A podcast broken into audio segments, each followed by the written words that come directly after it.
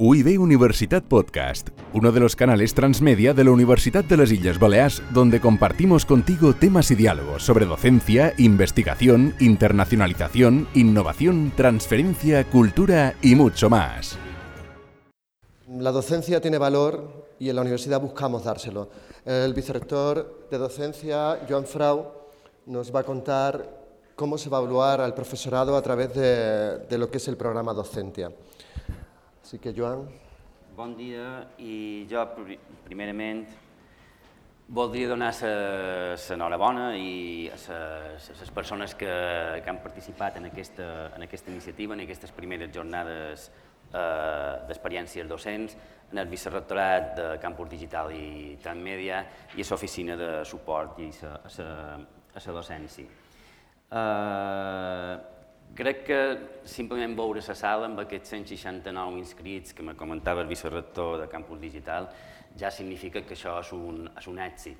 Però aquest, aquest valor, aquest èxit ja en el nombre de participants, jo crec que també s'ha de fer més extensiu i s'ha de fer una reflexió en el sentit que implica que hi ha molt de professorat en aquesta universitat que, que creu que la docència és molt important. Moltes vegades han sentit dir, han sentit intuir, hem intuït que la feina del professor de la universitat està més centrada en el que és investigació i en altres coses que no és la docència. Jo crec que unes jornades com aquesta, si la participació, eh, pot significar tot el contrari i és un, és un fet que jo a mi m'agradaria recalcar i que aprofit per, per fer-ho en, eh, en aquest moment. Eh, per tant, mm, jo crec que ara, tant en el dia d'avui i en el dia de demà, el que podreu serà compartir aquestes experiències docents que s'estan fent a la universitat, recollir idees, aportar idees i després adaptar-les en els nostres estudis, en els nostres perfils d'estudiants. De, la docència és una cosa que està canviant, no és una cosa estàtica, és, és dinàmic. Per tant, els perfils dels nostres estudiants també no tenen res que veure amb els de fa 5 anys, amb els de fa 10 i amb els de fa 15 anys. I de tota manera, això implica que nosaltres també ens hem d'anar adaptant de, de qualque forma. Però bé, jo del que vos venia a parlar avui no és exactament d'això, sinó és ja han fet la docència. I, I què passa quan han fet la docència? bueno, pues, jo crec que l'avaluació docent és algo inherent en aquest procés d'ensenyament i aprenentatge.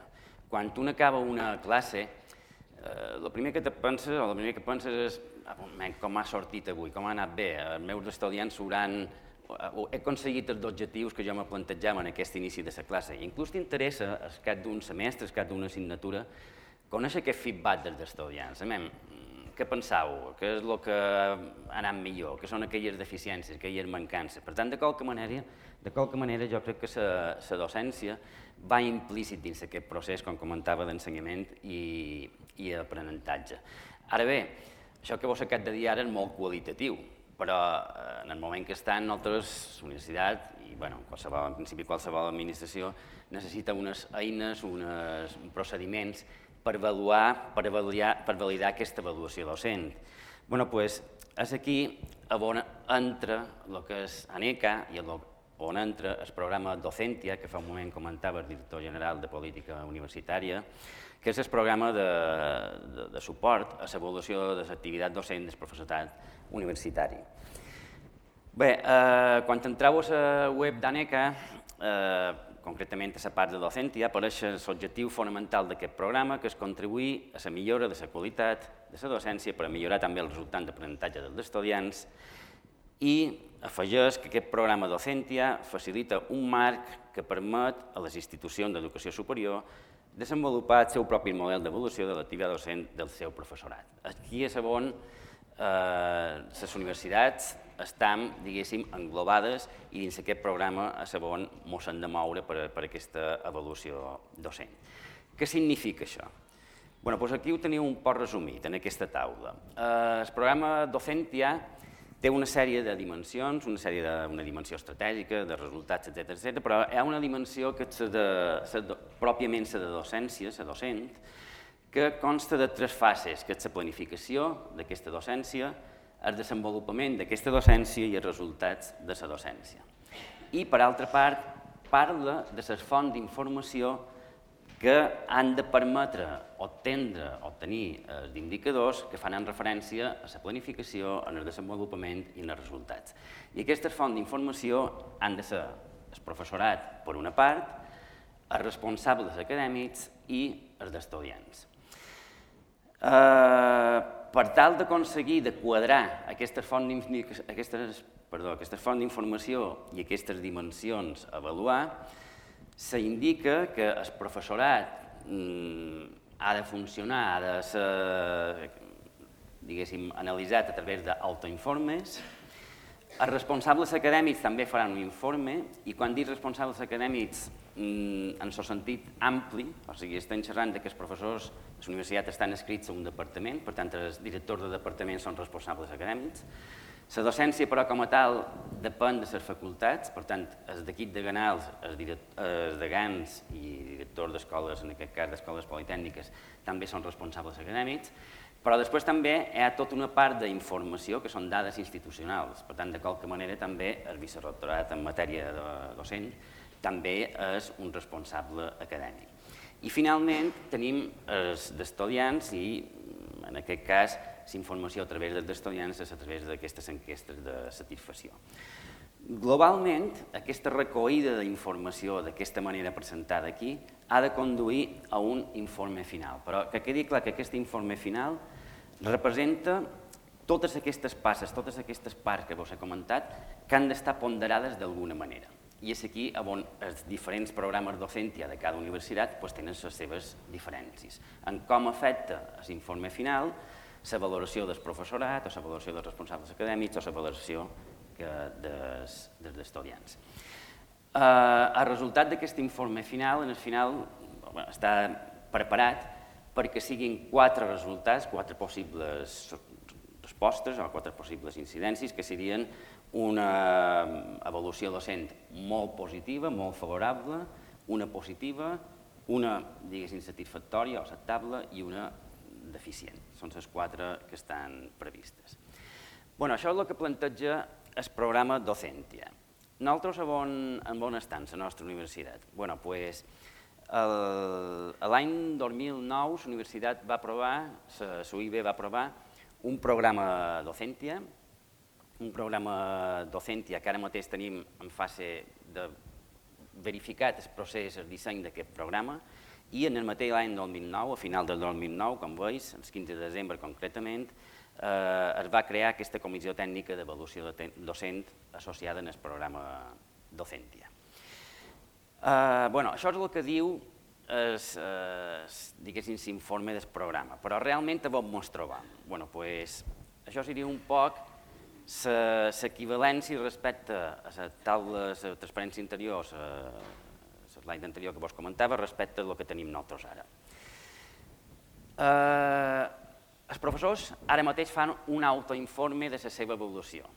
Eh, vos ho he marcat aquí en... no sé si sabeu clarament, sí, Sabeu que hi ha una petita banda de color groguet, un color groguet fluixet, perquè aquest autoinforme que feim actualment mos dona certa informació, però no compleix exactament amb el que seria un requisit en el 100% de docència. Actualment els responsables acadèmics no intervenen en aquest procés i sí que tenim unes enquestes de satisfacció que se passen als estudiants, però que si tornem enrere per darrers 7-8 anys, inclús nou. Eh, si recordeu, aquestes enquestes de satisfacció eren presencials, després per diferents motius se van transformar en unes enquestes d'evolució ja no presencials. Eh, la conseqüència d'immediat va ser una disminució de la resposta per part dels estudiants i per tant tenim enquestes amb percentatges de resposta excessivament baixos, molt baixos i que impedeixen per tant treure unes conclusions i, i poder a partir d'aquestes conclusions anar dissenyant eh, les millores d'aquest programa.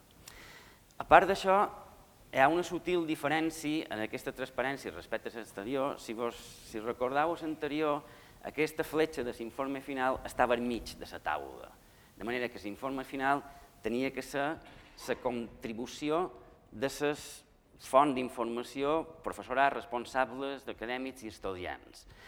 Nosaltres el que tenim actualment és que l'informe final és exclusivament o està, eh, està realitzat exclusivament a partir del resultat de les enquestes de satisfacció. I és algo que també tindrien que, que anar millorant. Bueno, com podem anar millorant? Bé, doncs des de fa ja una, bastant de mesos estem fent feina tant des de CECUA com des de l'OSD i altres agents implicats dins la universitat per anar de qualque manera actualitzant aquest programa Docentia que, que tenim. El programa Docentia és complex perquè no entraré en detalls del funcionament, però simplement vos donaré una pista. És molt semblant en el procés de, de verificació d'un títol. O sigui, s'ha de dissenyar tot un programa amb una sèrie de plantilles predeterminades, s'ha d'enviar a NECA, a NECA l'ha de provar, s'ha d'implantar i una vegada implantat l'han de, diguéssim, reavaluar amb la qual seria la certificació que seria l'equivalent a les verificacions dels títols. Per tant, és un procediment complex, però ara estem en aquesta, diguéssim, actualització, redefinició del programa Docentia, que inclourà també, per tant, una redefinició de s'autoinforme. Evidentment, han d'introduir el que seria aquest informe de responsables acadèmics. Eh, jo ara aquí no sé si hi ha qualcú que, que estigui en l'equip de Ganals o que hagi estat, si hi ha qualcú, el eh, primer que potser li ven escap és més feina. Eh, és el primer que intentarem evitar. Intentarem que sigui la part de, de, de la implicació, la feina que tingui que fer el director del departament i el, i el cap d'estudis o, o el degà, la mínima possible. La hm? mínima possible. Algo tindrà que fer, evidentment, perquè tindran que presentar aquest informe, però no, no l'objectiu, evidentment, no és contribuir una altra vegada a crear més, més, més paperum i més, i més feina. I en les enquestes de satisfacció, bueno, pues, enguany han començat un pla pilot també eh, que està dissenyat com a una prova pilot també per aquest programa Docentia que fa referència a una millora del procediment, en aquest cas exclusivament del procediment de passar enquestes, o sigui, dit d'una altra manera, tornem una altra vegada a la presencialitat. Tornem a la presencialitat, evidentment han passat 10 anys, no podem anar en so fluiòtic que després va per la lectora, sinó en aquest cas les enquestes s'estan responent a través dels dispositius de mòbil, d'ordenadors, de tablets, coses d'aquest estil. Uh, dit així, pot semblar molt senzill, perquè clar, Fa 10 anys teníem enquestes presencials, tenien llicenciatures de 5 anys, han passat a graus, un any menys en general, encara que és veritat que de diplomatures s'han augmentat, però en general tenim menys cursos, en general tenim menys assignatures, tindria que pensar menys enquestes per passar, més senzill. Uh, L'experiència que ja teníem qualitativa, però ara la tenim quantitativa, és que això no és així. Els graus han complicat exponencialment la problemàtica de, de les enquestes, del, del procediment d'enquestes. Per quin motiu? Les llicenciatures eren molt rígides en quant a horaris. Nosaltres teníem una assignatura i teníem cada dia classe, o quatre dies a la setmana. En els graus no és així. En els graus tenim eh, classes que són de grup gran, classes de grup mitjà, classes de grup petit, la distribució no és idèntica en totes les setmanes d'un període d'un semestre, per tant, això introdueix una sèrie de, de, de problemes, una sèrie d'ajustos que s'han de fer, que, que evidentment eh, han tingut en compte i que anirem millorant, però vos ho dic també perquè ho tingueu present que no és un canvi tan senzill de dir, bueno, pues no hi anàvem i ara hi anem. Té una sèrie de repercussions importants, però el, el nostre objectiu, i estic, segur, cons, eh, perdó, estic segur que ho aconseguirem, és que l'experiència que ara tenim d'aquest programa pilot ens servirà ja per a 2019-2020 aconseguir ja un procediment d'enquestes de, bastant, bastant bo. I per suposat, i això ja sí que ja vos punt de adelantar, i evidentment tenia que ser així, amb un percentatge de resposta molt més, eh, molt més elevat. Per tant, eh, el que tenim i a on volem arribar, que és aquest, és aquest punt que ara se vos mostra una altra vegada la transparència. Però bé, si mos quedam aquí, eh, jo crec que haurem fet feina de bades, perquè aquest d'informes s'aniran un calaix i, i que feim amb ells. Per tant, ANECA també en el seu programa indica, i el director general ho comentava, que aquests informes han, tenir, han de tenir unes conseqüències, o sigui, l'avaluació ha de tenir una conseqüència. A mi la paraula conseqüències no m'entusiasma massa, però bueno, l'he introduïda perquè sé que planteja ANECA en els seus manuals del programa docència. Però aquestes conseqüències eh, fan referència o no han de pensar com a penalitzacions. Aquestes conseqüències han de pensar com a donar un valor afegit, donar un reconeixement en aquells professors, i n'hi ha molts en aquesta universitat, que fan una bona pràctica docent i llavors la seva docència és una cosa primordial. Mm? Per tant, jo crec que aquesta és la visió que vos volia, aquest missatge que vos volia donar, han de confiar en aquest programa d'avaluació, L'avaluació jo crec que és una cosa inherent, és una cosa que ve com a conseqüència d'aquest procés d'ensenyament, de, és una cosa que nosaltres mateix com a professor ens serveix, a més si estem eh, eh, fent aquells, eh, empleant aquelles, aquelles metodologies que són adequades per al moment que estem visquent, això no ho podem canviar, el, del nostre perfil d'alumnes actuals pues, se maneja amb unes tecnologies que antes no, no ho feien i no sabrem que se manejarà d'aquí 9 anys, per tant això no ho podem evitar, per tant nosaltres de qualque manera hem d'adaptar-nos mm, en, en aquest perfil adaptar-nos amb aquest perfil, evidentment, amb uns estàndards i amb un mínim d'exigència que, que sempre que s'han de tenir que, i que donen per, per suposat. I la conseqüència d'això, si nosaltres veiem el procés d'evolució com una cosa natural, doncs la conseqüència d'aquestes coses naturals és premiar les coses ben fetes, la bona feina, el bon professional. Bueno, doncs és un poc aquesta idea que també vos volen transmetre. Jo ara no entraré en sorts detalls, perquè evidentment estem fent feina amb ells, de quines són les coses eh, que se poden reconèixer, aquelles que no se poden reconèixer, etc etc. però sí que l'objectiu és claríssim d'avançar cap en aquesta, en aquesta direcció.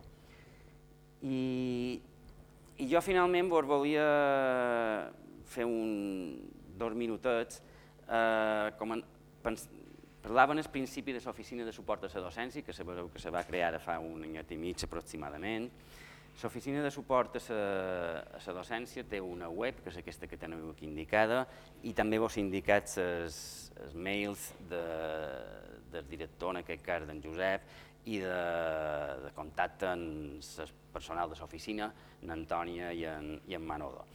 Eh, l'oficina, evidentment, com diu el seu nom, s'encarrega d'aquests aspectes docents de la universitat, a dos nivells, si voleu, en dos àmbits pot diferents.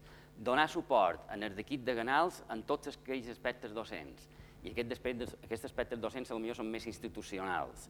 L'oficina un poc s'anetza entre el SEQUA i el que seria després eh, la definició ja més acadèmica de, per, per propostes de nous títols, per modificacions de, de nous títols. Però a part d'aquesta part més eh, de suport en l'equip de canals, l'oficina també dona suport, de la docència evidentment, a qualsevol professor de la universitat. Aquest any ja han creat sa, el primer pla d'acollida en el professorat nouvingut, que jo crec que ha tingut un, una repercussió molt positiva i que evidentment continuarem amb ell. L'oficina, per tant, està, està oberta a qualsevol professor que tingui un dubte. Eh, tenc un problema en seguir docent, tenc un problema en SATA, tenc un problema en qualsevol activitat de la nostra vida docent en el, en el campus. Les coses més digitals, més tecnològiques, com deia Antonio, doncs aquí sí que ja vos derivarem un poc en el seu servei, que és que realment en coneix. Però per aquelles qüestions més acadèmiques relacionades amb la docència, llavors dit, teniu les portes obertes en aquesta, en aquesta oficina. Bueno, jo cap aquí no me vull entretenir, eh, és un poc la part final d'aquesta docència, la jornada no està plantejada com a una jornada per evolució, però hem pensat que era important que també tinguéssiu ja eh, coneixement i que sonars aquest nom de docentia i un pot la feina que estan començant a fer, però l'important ara d'aquesta jornada d'avui i és nucli dur, diguéssim, són les xerrades que venen a continuació, tant d'avui com, com demà, que ens serviran això, per compartir aquestes experiències que estàu, que estàu fent i sobretot per coir idees, per coir idees, per veure, oh, mira, quina cosa més xula, menys si la millor jo puc adaptar-ho, puc fer coi aquesta idea general i després adaptar-ho a les peculiaritats de la meva assignatura, del meu estudi, del meu perfil d'estudiants, perquè amb aquestes coses no hi ha una recepta única, però sí sempre les idees ens poden venir d'aquí i d'allà, i si pensem en la docència com a, com a algo prioritari, com a algo fonamental de la nostra professió, pues, evidentment aquest és eh, l'espai adequat per acollir aquestes idees que estic segur que, que més jornades que tindran continuïtat en els, en els anys posteriors. Pues, moltes gràcies i si teniu qualque pregunta, i ho sé. Moltes gràcies.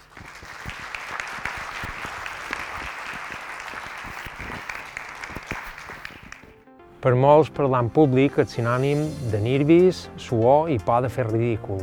Parlar en públic es una competència important de cara al futur profesional dels alumnos. Y la verdad es que hablar en público es necesario tanto dentro como fuera de la universidad. Parlar en públic és saber comunicar els missatges amb eficàcia. Parlar en públic és usar la retòrica i l'oratòria per construir discursos que funcionin. Es ser auténtico, natural, cercano, ser uno mismo. És despertar la curiositat i l'interès de l'audiència i ser capaç de mantenir-lo durant tota la presentació és crear un vincle amb els oients. Es ser valiente y estar dispuesto a cometer errores. És creure en un mateix i en el seu missatge. És mantenir un alt nivell d'energia i un mínim nivell d'atenció. Es encontrar el punto medio para decir mucho hablando poco. És vèncer els nervis i transmetre coneixement i domini dels continguts que es presenten. Tot el món té alguna cosa a dir. L'únic necessari és tenir confiança en un mateix. No tengas miedo, habla.